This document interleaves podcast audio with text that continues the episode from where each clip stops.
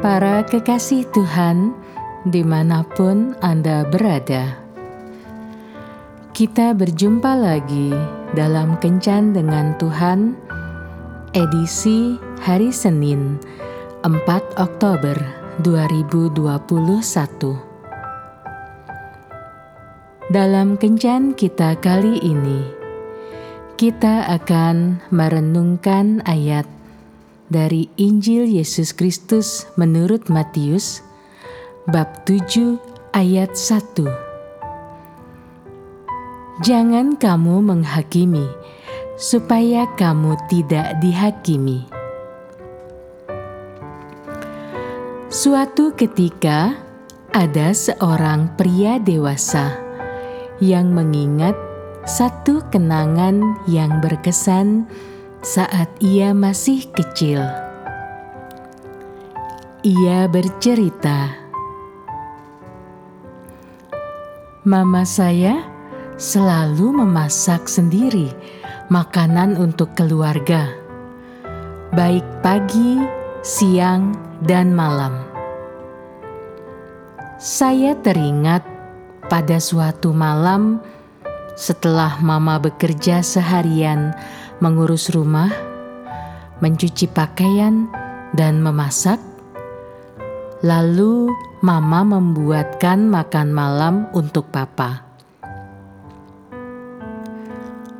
Pada malam tersebut, Mama meletakkan sepiring telur, sosis, dan biskuit gosong di piring Papa seperti tidak terjadi apa-apa, Papa kemudian meraih biskuit yang ada di piring dan kemudian mengolesnya dengan mentega dan jeli, lalu memakannya dengan lahap. Sambil tersenyum pada Mama, Papa menanyakan tentang kegiatan yang saya lakukan di sekolah. Saat saya hendak masuk ke kamar, saya mendengar Mama meminta maaf kepada Papa karena telah memberikan biskuit gosong. Saya tidak akan pernah melupakan apa yang Papa katakan kepada Mama, yaitu "Sayang." Saya suka biskuit gosongmu. Seperti biasa, sebelum saya tidur malam, saya menghampiri dan mencium pipi papa.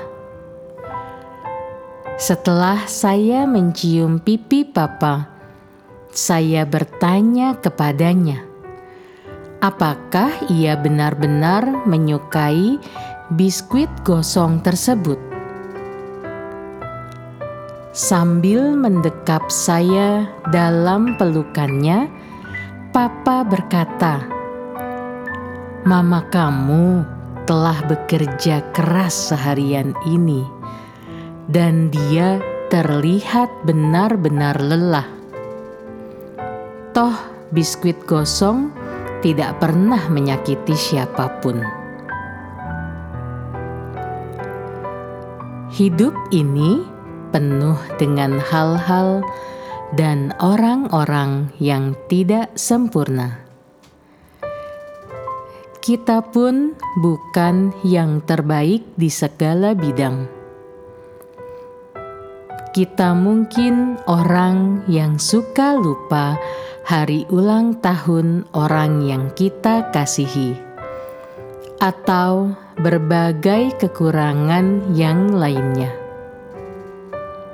Namun, belajar untuk menerima setiap kesalahan orang lain dan juga menerima setiap perbedaan yang ada adalah salah satu kunci yang paling penting untuk menciptakan hubungan yang sehat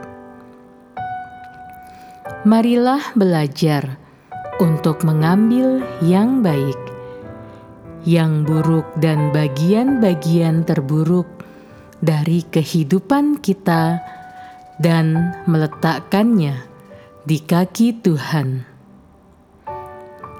Karena pada akhirnya hanya Tuhanlah yang dapat membuat suatu penerimaan yang penuh dengan kerendahan hati, di mana biskuit gosong bukanlah sebuah masalah.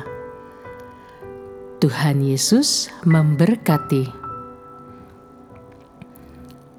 Marilah berdoa.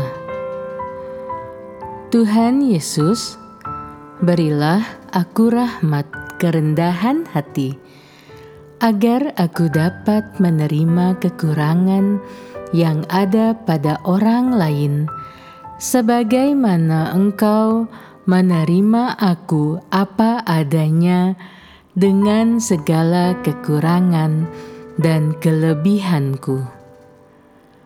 Amin.